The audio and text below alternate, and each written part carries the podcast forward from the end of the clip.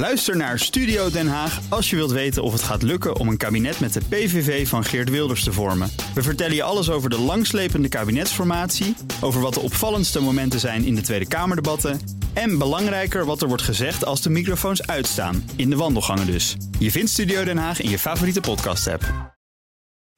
De column van Bernard Hammelburg.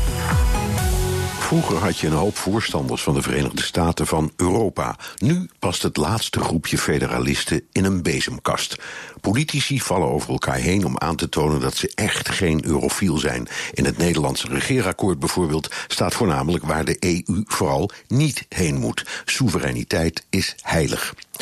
Maar dan weer niet als het over Catalonië gaat, of Lombardije, of Schotland, of Corsica.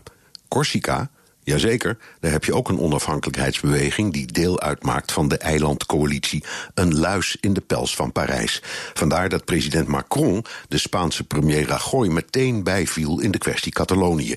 Want de Corsicanen moeten vooral niet te veel babbels krijgen. In tegenstelling tot de Belgische premier Michel, die tot razernij van Rajoy op kalmte en bemiddeling door Europa aandrong. Niet alleen Rajoy, maar eigenlijk de hele Brusselse elite was woest. Dat is raar, want als er één land is waarnaar we moeten kijken als het om afsplitsingsbewegingen en regionaal nationalisme gaat, is het België. Een land met vier staten: Vlaanderen, Wallonië, Duitsstalig Oost-België en Brussel. Een land met, afhankelijk hoe je telt, zes of zeven regeringen. Een land met 56 ministers en 68 ministersposten. Dat kost krankzinnig veel geld en we maken er graag grappen over. Maar je kunt het ook omdraaien. De Belgen zijn er toch maar mooi in geslaagd met de taalstrijd en het separatisme te leven. Daar kunnen de Spanjaarden en de Italianen en de Fransen nog een puntje aan zuigen. De EU is een unie van democratieën en daar lopen dingen wel eens anders dan wat een handjevol West-Europese landen blieven. Oostenrijk en Tsjechië hebben net dubieuze regeringen gekozen. Dat is lastig, maar het kenmerk van democratieën is dat ze hun eigen politieke piketpaaltjes slaan. Hetzelfde geldt voor separatisten. De EU heeft niet één cultuur, niet één taal. Het is een kaleidoscoop van culturen, talen en wild uiteenlopende nationale en nationalistische gevoelens.